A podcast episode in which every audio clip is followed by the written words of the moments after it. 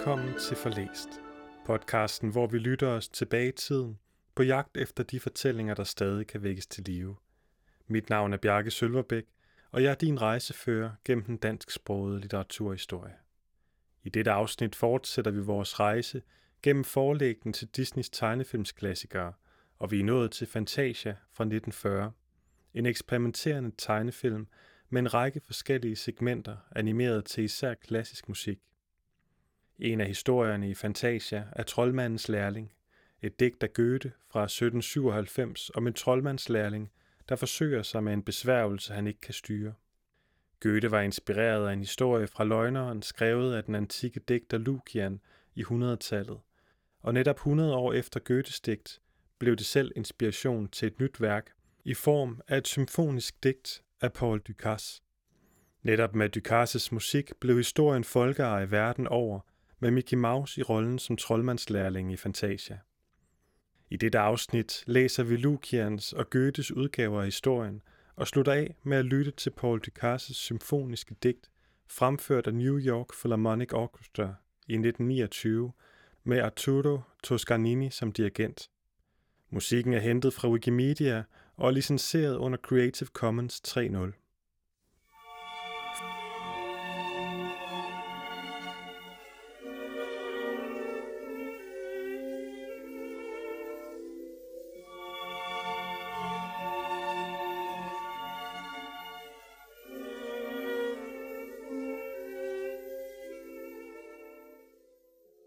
Først lytter vi til et uddrag fra Løgneren af Lukian, som jeg selv har måttet oversætte fra engelsk til dansk, baseret på H.W. Fowler og F.G. Fowlers oversættelse fra 1905. Da jeg var en ung mand, var jeg i en tid i Ægypten, da min far havde sendt mig derned for at blive uddannet. Jeg fik den idé at sejle op ad Nilen til Koptus, for der at besøge Memnon-statuen, og jeg var mere heldig end de fleste, som kun hører mutydelige stemmer. Memnon åbnede munden og gav mig en forudsigelse på syv hexametre. Det angår ikke, hvad jeg nu fortæller jer, ellers vil jeg citere jer den ordret.